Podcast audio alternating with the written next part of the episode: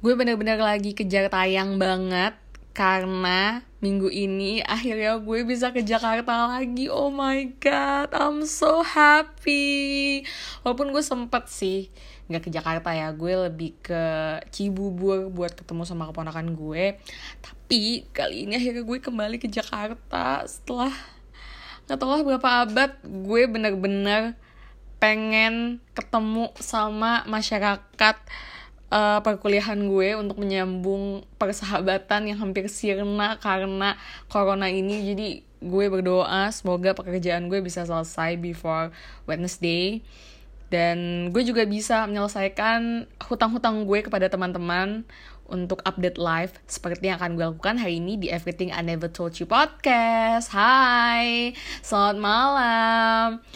Padahal gue tuh udah punya beberapa draft buat kenalin teman-teman baru gue dari Sour ya. Karena gue juga lagi dalam fase developing karakter mereka satu persatu. Cuman mungkin teman-teman udah lama gak dengerin gue ranting But I don't have anything to rant sih sebenarnya actually.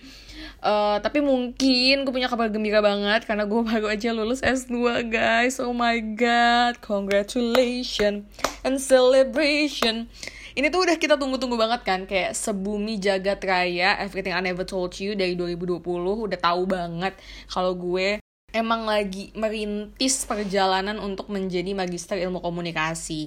Pada tahun kemarin gue ngerjain skripsi gue dan tahun ini alhamdulillah sambil ngerjain Trouble With You gue bisa menyelesaikan magister gue bareng sama sahabat gue yaitu Helen. Seneng banget. Uh, tesisnya dua minggu yang lalu. Sebenarnya gue pengen langsung cerita tapi bener-bener guys setelah gue lulus itu banyak banget yang terjadi um, chaos ya kehidupan gue itu waktu gue submit tesis gue which is kayak satu setengah bulan yang lalu. Lalu pas gue selesai uh, sidang itu chaosnya lebih besar lagi karena gue ada masalah sama gue nggak gue nggak ada masalah sih.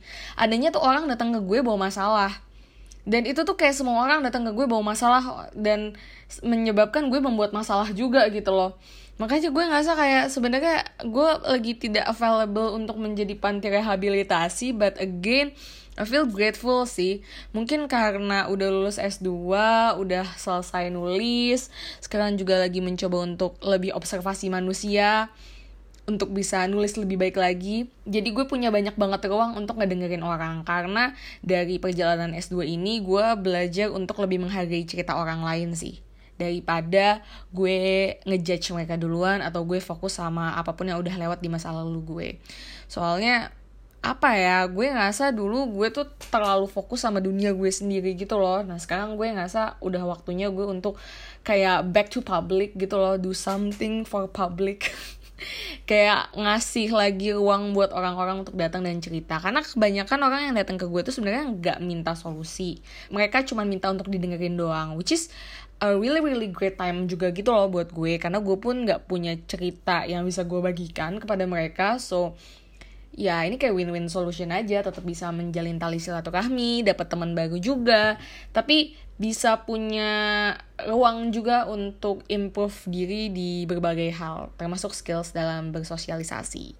Anyway akhir-akhir ini yang gue lakukan adalah gue lagi nonton uh, beberapa serial drama ada hometown caca-caca awalnya gue skeptis banget karena di episode 1 itu lambat banget dan gue gak terlalu suka sebenarnya jujur aja. Tapi masuk ke episode 2 sampai sekarang udah episode 14 gue tuh bener-bener gak bisa berhenti gitu loh dan gue suka banget karena vibesnya tuh sangat tenang, sangat nyaman dan itu cocok banget untuk gue memulai hari. Biasanya gue tuh nonton di hari Senin pagi sebelum gue berkutat dengan banyaknya pekerjaan di kantor. So that's the very first one yang lagi gue tonton banget sekarang. Squid Game pastinya gue juga ikutan nonton tuh sama kayak manusia yang lain. Tapi mungkin kalau dari gue Squid Game gak yang segimana banget karena gue juga udah nonton beberapa survival series lainnya dan menurut gue ya udah aja gitu jalan ceritanya ya udah pasti kayak gitu gitu loh. Tapi mungkin lebih ke ini sih karena gue juga uh, sekarang lagi ngedalemin plotting lagi ngedalemin uh, karakter development. Jadi kalau gue baca atau nonton karya gue tuh jadi kayak cenderung menganalisis semua hal yang terjadi gitu loh. Jadi susah untuk menikmati perjalanannya.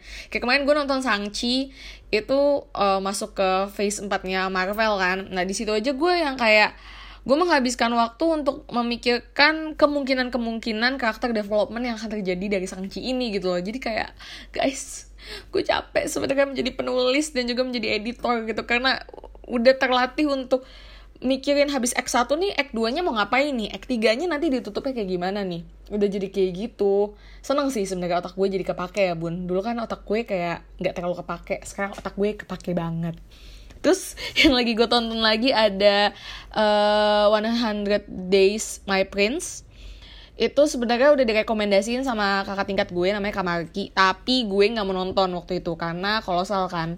Tapi pas gue tonton seru banget. Gue suka banget Dio di sini dan ternyata ada Kim Son Ho juga. Jadi hmm, emang gue lagi suka banget sama Kim Son Ho kan. Dan juga gue punya satu karakter namanya Richard yang pakai visualnya si Kim Son Ho ini. Tapi karena satu dan lain hal belum gue develop tuh. Jadi ya lumayan lah buat menatap aja gitu. Untuk membuat gue lebih senang. Apalagi ya yang gue lakukan ya? Gue mau gue lagi jarang ngobrol sama orang via chat sih. Ada beberapa yang gue gue chatan juga balas-balasin juga. Ada lebih banyak ketemu sama orang sih akhir-akhir ini. Tetap dengan protokol yang jelas ya guys ya um, mungkin lagu-lagu yang lagi sekarang gue dengerin oh gue lagi suka sama Red Velvet sama Stacy. Kalau kemarin teman-teman ada yang lihat di Instagram gue gue gue tuh udah lama nontonin Red Velvet tapi gue nggak bener-bener really into Red Velvet karena kayak yang teman-teman tahu gue kan once ya. Jadi gue fokusnya cuma sama Twice doang gitu loh. Terus akhirnya nggak tau gue jatuh cinta aja pas Queendom karena pas banget lagunya liriknya temanya hmm, konsepnya. Terus pas juga gue lagi develop sour dan di situ Yeri cakep banget. Emang Yeri dari dari dulu cakep banget kan. Jadi gue kayak seneng banget kemarin pas lagi sidang Tari nanya sama gue sahabat gue minta saran gitu harus ngasih apa ya sama gue untuk hadiah wisudanya? Terus gue kayak dengan shamelessnya gue bilang kayak gue mau album Queendom gue kasih linknya. Tapi gue yang kayak kalau lo nggak mau nggak apa-apa gitu. Karena this is so so pricey and sebenarnya ini ada di wishlist gue. Jadi I could I could just hold for one or two months gitu loh biar gue bisa saving up dulu. Tapi ternyata tadi baik banget. Jadi gue punya Queendom di rumah. Terus juga gue sekarang seneng dengerin Stacy. Um, karena lagu-lagunya enak-enak. Dan kemarin pas gue dengerin A ASAP itu kan gara-gara adik gue kan si bocil Tikian dan dia bilang kayak eh, ini tuh enak kak. Tapi gue yang kayak gue nggak nggak nggak nempel banget nih Isep. Tapi pas keluar stereotip gue dapet banget range vokalnya juga.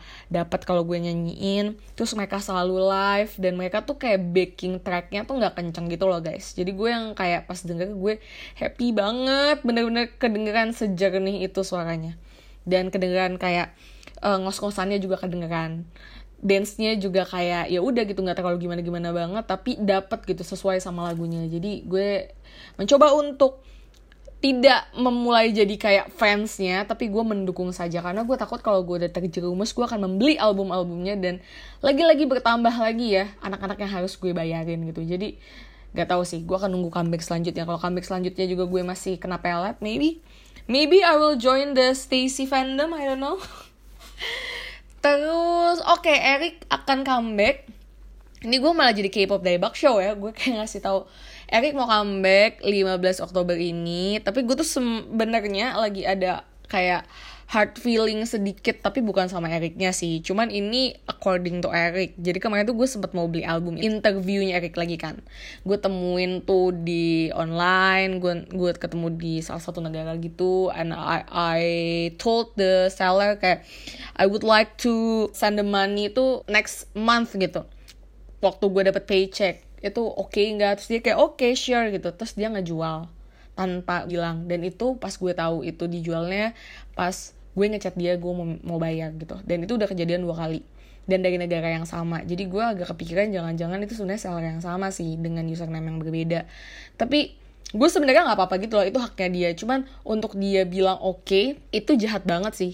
Untuk dia ngejual itu ke orang lain lagi dan untuk dia ngabarin ke gue itu setelah gue tanya. Dan dia sama sekali nggak bilang sorry sama gue gue tahu itu cuma di internet gue tahu kita dari nationality yang berbeda tapi manner matter sih. Dan menurut gue di mana pun negaranya pasti belajar kok tentang thank you sorry please that kind of words gitu pasti ada kok. Tapi I don't know. I just feel so bad about her. Jadi gue kayak nge-mute dia terus gue kayak I had I had something strange gitu loh setiap kali liat Eric. Karena gue sedih banget gitu soalnya pas Agustus ke September itu gue work so hard like so many things happen in my office in my school life gitu loh. So many things happen and I also apa ya push myself to still writing gitu loh. Jadi kayak banyak banget hal yang terjadi dan gue mencoba untuk survive because I I think that in the end of the month gue akan beli si album interview yang udah gue damba-dambakan itu. Tapi at the end it gone. Bukan rezeki gue. Akhirnya duitnya gue pakai buat beli yang lain. Kayak gue beli banyak banget barang terus akhirnya gue sekarang gak punya duit. Cuman gue ngerasa kayak setelah itu gue udah gak mau nyari lagi album interview itu gitu. Gue ngerasa kayak kalau emang udah jodohnya pasti ketemu. Jadi gue gak mau nyari-nyari lagi. Gue udah gue udah capek banget sih. Jujur gue ngerasa kayak gue nggak mau nggak mau menemukan itu di Twitter lagi. Kalau itu bukan domisili Indonesia gue nggak mau in touch sama orang yang mau ngesel itu tapi sumpah tinggal bilang maaf lo sorry gue lupa ngabarin lo. Sorry ya bikin lo kayak gini. Enggak gitu loh dia nggak ngomong sama sekali. Jadi menurut gue gue udah punya a really really bad experience gitu loh about buying things on social media. Or maybe it's just another step or another way of God telling me that it's not the right thing to do. But it hurts me until these days and I get so emotional to talk about this. So maybe we could skip it to another topic. The last update yang sekarang lagi gue baca. Karena mungkin itu yang ingin kalian ketahui ya karena gue juga gak punya sesuatu yang bisa gue ceritakan sebenarnya. Yang lagi gue baca adalah 2578 km dari Ayu Nugraheni Nah, gue kalau misalnya baca buku itu gue selalu kasih nama gue dan kasih tanggal pertama kali gue buka buku ini atau gue baca. Gue mulai baca di 31 Agustus 2021 dan sekarang udah tanggal 11 Oktober 2021. Gue baru sampai halaman 262. Ini menceritakan tentang Juni yang baru putus dari pacarnya namanya Bulan, but she just peace off with Bulan, jadi dia tetap pergi untuk Europe trip yang udah dia bikin bareng sama Bulan. Dan di perjalanannya dia ketemu sama cowok namanya Elio which is the son of the story. Nah si Elio ini penulis, dia bilang yang kayak don't fall in love with me, let me fall first, yang kayak gitu-gitu. Tapi gue udah sampai di part di mana Elio just make me feel apa ya? Pas pertama kali gue baca tuh, I feel like um I'm in love with this karakter gitu loh. Gue ngerasa attachment gue ngerasa cocok sama gayanya Elio. Tapi pas gue tahu sikap Elio ketika Elio pulang ke Indonesia setelah Europe trip bareng sama si Juni itu gue uh, I cancelled him gitu loh right away. Karena gue pernah ada di hubungan yang sama dengan cowok kayak Elio yang gue nggak bisa ceritain Elio kenapa. Karena nanti jadi spoiler ya guys. Cuman gue ngerasa nggak nyaman pas gue baca itu. Karena gue pernah ada di posisi Juni mendengarkan alasan yang, yang sama seperti yang Elio bilang dan menurut gue enggak sih. Gue nggak mau lagi berhubungan sama cowok-cowok kayak gitu. But overall this book is so good. Karena dia menceritakan perjalanan dari kota ke kota di Europe. Dan menurut gue di setiap uh, ceritanya itu bener-bener rinci banget. Kayak apa pun yang terjadi di sana terus kayak penggambaran tempat-tempatnya. Walaupun sebenarnya agak asing ya buat gue yang nggak pernah ke Europe. Tapi karena tinggal di era global ini jadi pas baca tuh bisa sambil kayak searching gitu and it was really fun thing gitu loh. Makanya mungkin gue lama ngabisin buku ini karena gue banyak searchingnya. Jadi habis gue ba bu, habis gue ba bu mau baca atau buka ya.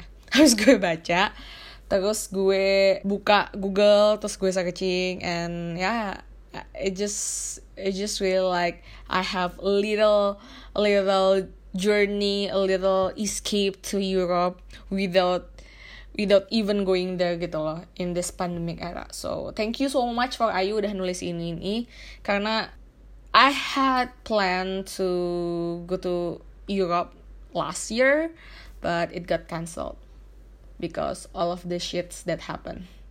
But anyway, this month um, gue beli beberapa buku tapi salah satu buku yang gue lagi looking forward to read it banget adalah dari Emily Henry yaitu People We Meet on Vacation. Kalau gue baca dari blurbnya ini ceritain tentang Poppy sama Alex yang sahabatan dan mereka kayak going to vacation to have one last chance to fall in love. Ini bikin gue inget sama filmnya Anna Hathaway yang judulnya adalah One Day. Dan asli asli asli gue pengen banget baca ini tapi lagi gue tahan-tahan dulu nih karena gue mau menyelesaikan beberapa buku yang udah sempat gue buka tapi belum gue baca. Kayak misalnya ada uh, It Ends With Us terus ada juga Ini Aheng Bukan Dilan udah sempat gue buka tapi belum sempat gue baca semua.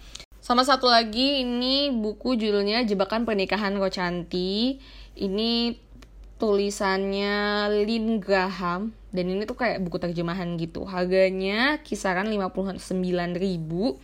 Dan ini rate-nya dewasa 21 plus.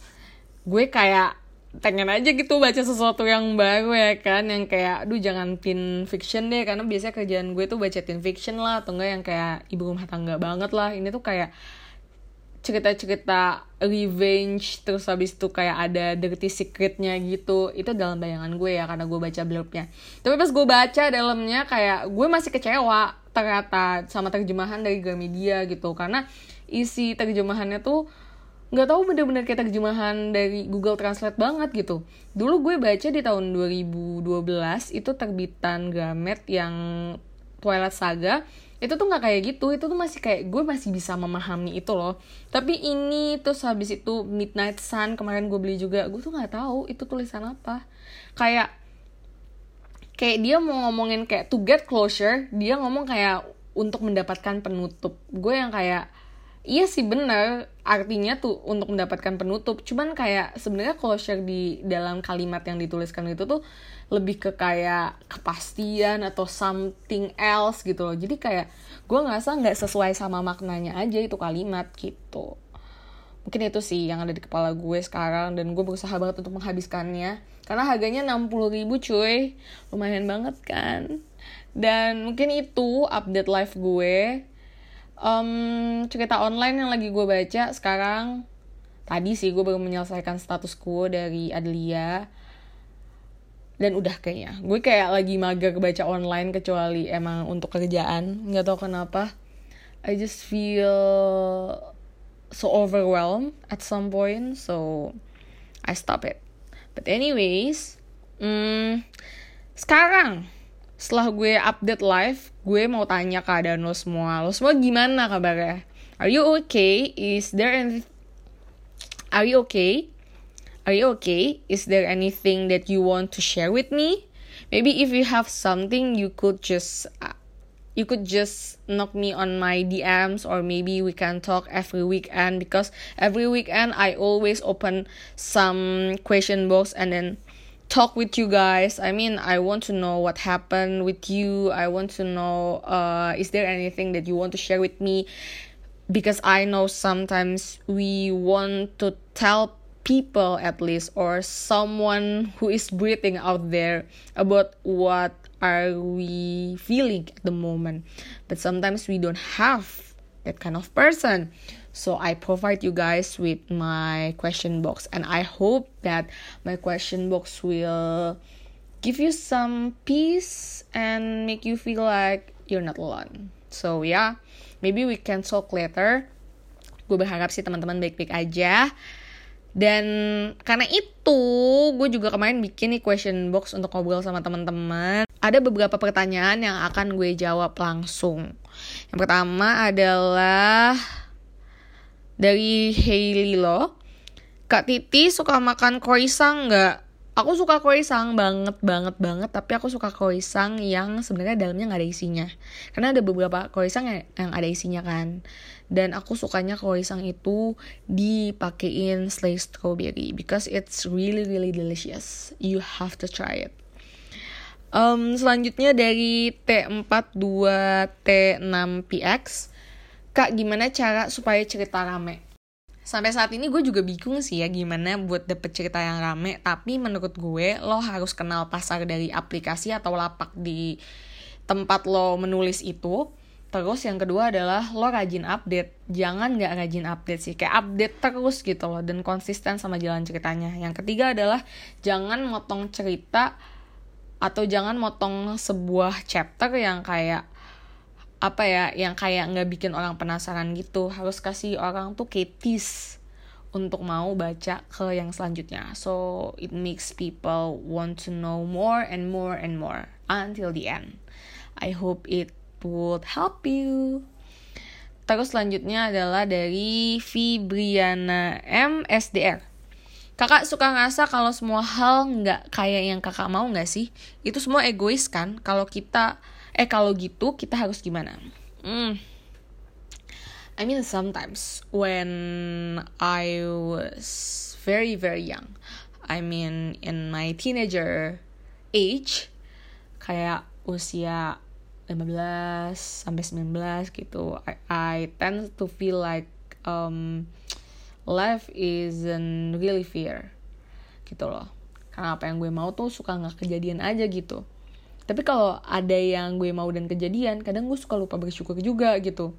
Jadi mungkin kalau lo punya waktu coba deh lo mundur sejenak untuk bisa ngelihat sesuatu tuh dari lebih luas. Kalau misalnya lo tuh kayak yang tadi gue ceritain tentang si interview album yang nggak bisa gue beli itu itu tuh sebenarnya cost for one album yang ada tanda tangannya sih. It cost me like 60 dollars until 70 dollars for one shipping sampai ke Indonesia. Dan itu kayak ngabisin hampir tiga perempat lah atau lebih dari kayak apa ya dari kayak uang yang biasa gue pakai untuk beli beli hal lain gitu. Kayak beli album beli buku beli makanan. Karena kan gue sebenarnya udah ngejatahin kan. Dan kalau gue beli itu berarti gue nggak bisa beli hal-hal lain gitu loh. Jadi ketika itu nggak terjadi ya kalau lo marah ya lo kesel ya lo kecewa ya nggak apa-apa. Ya justru lo harus ngerasain itu gitu loh. Tapi yang membedakan lo dengan orang lain yang membedakan lo dengan orang-orang yang tidak bisa mengontrol emosi adalah ketika lo merasakan hal itu ya sudah cukup sampai rasanya selesai di situ aja gitu loh setelah itu kasih ruang untuk lo bisa berpikir harus kayak gimana nih selanjutnya gitu. Lo analisis deh gitu. Jadi kalau emang lo ngerasa dunia nggak adil juga atau gimana pun itu ya udah nggak apa-apa. Kalau kesel mah kesel aja. Kalau sedih ya sedih aja. Tapi habis itu baru mikir oh iya benar juga sih kalau gue beli album interview itu kan gue jadi nggak bisa gini gini gini gitu loh. Jadi ketika perasaannya udah keluar semua fase denial pun akan jadi lebih mudah untuk lo lewatin gitu loh fase untuk nggak bersyukur ya pun akan lebih mudah untuk lo lewatin gitu jadi mungkin itu sih yang bisa gue sampaikan bahwa coba latihan untuk mundur dulu satu dua langkah biar lo bisa ngeliat sesuatu hal tuh dari tempat yang lebih luas. Oke, okay, the next question is from She Sila. How to survive from this world? Menurut gue kayak dalam hidup ini emang setiap harinya akan menjadi sebuah battlefield sih. Jadi untuk bisa survive adalah tahu diri lo dan bisa merasa cukup dengan apa pun yang lo punya gitu loh. Merasa cukup itu bukan berarti lo jadi nggak punya impian pengen ngapain atau pengen berkembang atau pengen membeli sesuatu ya atau mendapatkan sesuatu ya bukan itu. Tapi kayak kalau lo udah bisa ngerasa cukup lo jadi bisa nakal gitu loh. Kapan sih lo lo punya apa ya punya kesempatan atau momentum yang tepat untuk bisa ganti handphone kapan sih waktunya lo bisa keluar dari kantor lo? Kapan sih lo bisa tetap ngejalanin hubungan ini? Atau lo emang harus udah keluar dari hubungan ini gitu loh. Jadi kalau lo udah tahu apa yang cukup buat lo dan apa yang pantas buat lo jadi lo tahu lo harus bergerak ke mana. Itu sih. Mungkin ke know yourself dulu sih apa yang lo butuhkan gitu. Tapi bukan berarti kayak ngerendahin gitu loh. Kayak uh, eh orang itu mah bisa gitu gue mah gak bakal bisa. Bukan itu sih tapi lebih ke kayak oh pada momen ini gue posisinya cuma sampai sini gitu loh. Dan gue harus bekerja keras di sini untuk menjadi lebih baik untuk mencapai ke posisi yang lain. Gitu sih jadi sebenarnya masalah atau situasi yang gak bikin nyaman itu bisa jadi nyaman kok kalau misalnya lo berusaha untuk melihat dari point of view yang berbeda. Tapi supaya tidak jadi toxic positivity, menurut gue cobalah untuk melihat dari kedua sisinya. Mungkin itu membutuhkan waktu yang sangat panjang untuk bisa belajar melakukan hal tersebut, melihat sesuatu dari pandangan yang lebih luas dan bisa ngelihat dari kedua sisinya. Yang penting adalah tahu dulu diri lo siapa dan lo mau ke mana. Jadi apa pun yang lo lakukan itu jadi lebih mudah untuk dilakukannya. Dan kalau misalnya pun emang ada hal-hal yang di luar keinginan, lo bisa menanggulanginya. Gitu. Selanjutnya dari semesta Adlia habis S2 mau ngapain? Habis S2 mau istirahat sekarang sebenarnya gue lagi mencoba untuk bisa istirahat kayak bikin fase-fase yang tepat gitu loh dalam kehidupan ini. Kayak pagi tuh bareng sama keluarga misalnya atau enggak sama diri sendiri atau enggak nikmatin hari-hari aja gitu baca buku atau apa pun itu. Siang ke sore kerja terus sore misalnya gue uh, baca buku abis itu sama keluarga gue lagi abis itu malamnya gue istirahat. Istirahat bisa dipakai emang cuman buat nonton atau sekedar kecap sama temen atau kayak sekarang bikin podcast atau mungkin uh, nulis gitu loh. Jadi gue lagi mencoba untuk bikin sesuatu hal tuh lebih rutin dan juga lebih tahu lah porsinya di mana. Karena dulu biasanya gue mengerjakan semua hal tuh dalam waktu yang bersamaan.